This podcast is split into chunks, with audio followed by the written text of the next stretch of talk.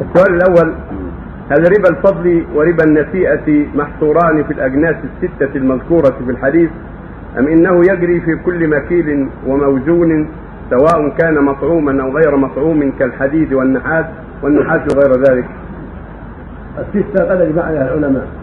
الذهب والفضة والثمر والبر والشعير والملح هذه الستة أجمع العلماء على أنه يجري فيها الربا. لنص النبي عليه الصلاة والسلام. وتنازعوا في غيرها. فقال الجمهور وأكثر العلماء انه يجري الربا في غيرها